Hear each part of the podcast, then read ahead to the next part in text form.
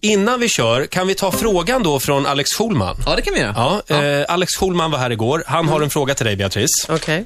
Jag träffade ju henne en gång vid det tillfälle på Teatergrillen i Stockholm, en re- restaurang där hon kom in med eh, eh, Leif GW Persson. Jag har två eh, f- frågor, för vi hade en trevlig stund jag och hon. Det första är då, hur ofta umgås du med Leif GW Persson?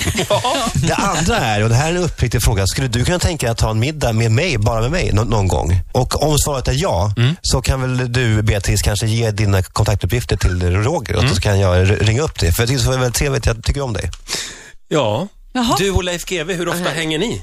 Ja, när Leif har tid. Ja. Är det så? Du ringer och bara, kan vi inte? Och då säger han, ah, Nej, det brukar han brukar ringa också. Nej då, men eh, det händer. Det är inte så ofta. Men ni har roligt ihop? Ja, framförallt, han kan ju mycket. Ja. Och han har mycket synpunkter. är det, pratar ni om gamla brott och sånt då?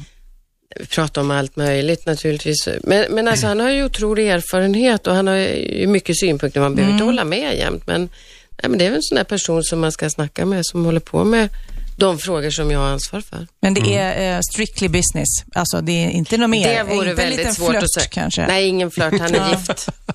Ja, ja, men det brukar inte hindra vissa gubbar. Det råkar Sofia veta.